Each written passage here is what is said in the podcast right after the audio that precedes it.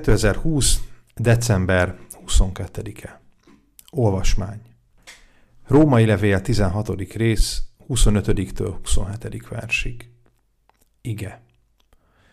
A ma titok kinyilatkoztatása folytán, amely örök időkön át kimondatlan maradt, de most nyilvánvalóvá lett. Római levél 16. része, 25. és 26. versek részletei lerántani a leplet valamiről. Felfedni egy hatalmas műalkotást, vagy talán hétköznapi értelemben kinyitni a falat ránk váró ajándékot. Boldogan és tudatlanul tépni a csomagolást, hogy felbukkanjon a titok, az ajándék titka. Mindenkin gyermeki öröm lesz úrrá, amikor valami ismeretlent ismerhet meg. Természetesen tudjuk, hogy kapunk ajándékot szeretteinktől, de mégis várjuk, hogy vajon mi lehet az.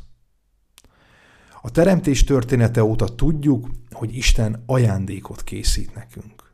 Tudták, hogy jön egy ember, aki a kígyó fejére tapos, tudták azt is, hogy Dávid házából származik majd a szabadító, a proféták beszéltek erről, meg annyi helyen utal rá az Ószövetség is.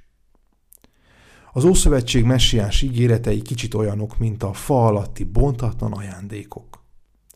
Láthatjuk a formáját, kitapinthatjuk alakját, érezhetjük a súlyát, és még talán kíváncsian meg is zörgethetjük, de igazából csak találgatunk, hogy mi lehet benne.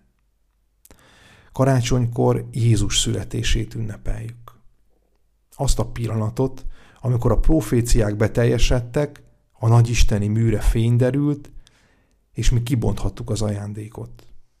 Ez az ajándék pedig a valódi Isten és tökéletes ember Krisztus, a megváltó. A gyermek, aki ajándékként adatot nekünk.